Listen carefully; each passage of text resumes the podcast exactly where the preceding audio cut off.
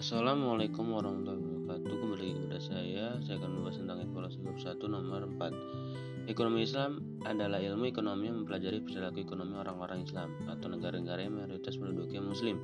Setujukah Anda dengan pernyataan tersebut?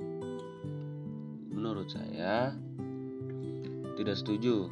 Karena ekonomi Islam itu berdasarkan konsep dasar dalam Islam Yaitu Tauhid Dan berdasarkan rujukan pada Al-Quran dan Sunnah pertama itu adalah memenuhi kebutuhan dasar manusia yaitu sandang, pangan, papan, kesehatan dan pendidikan untuk setiap lapisan masyarakat. Yang kedua, memastikan kesamaan kesempatan bagi semua orang.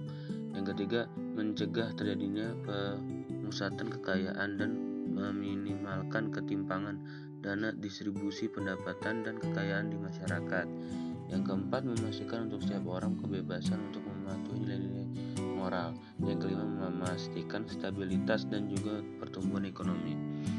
Wassalamualaikum warahmatullahi.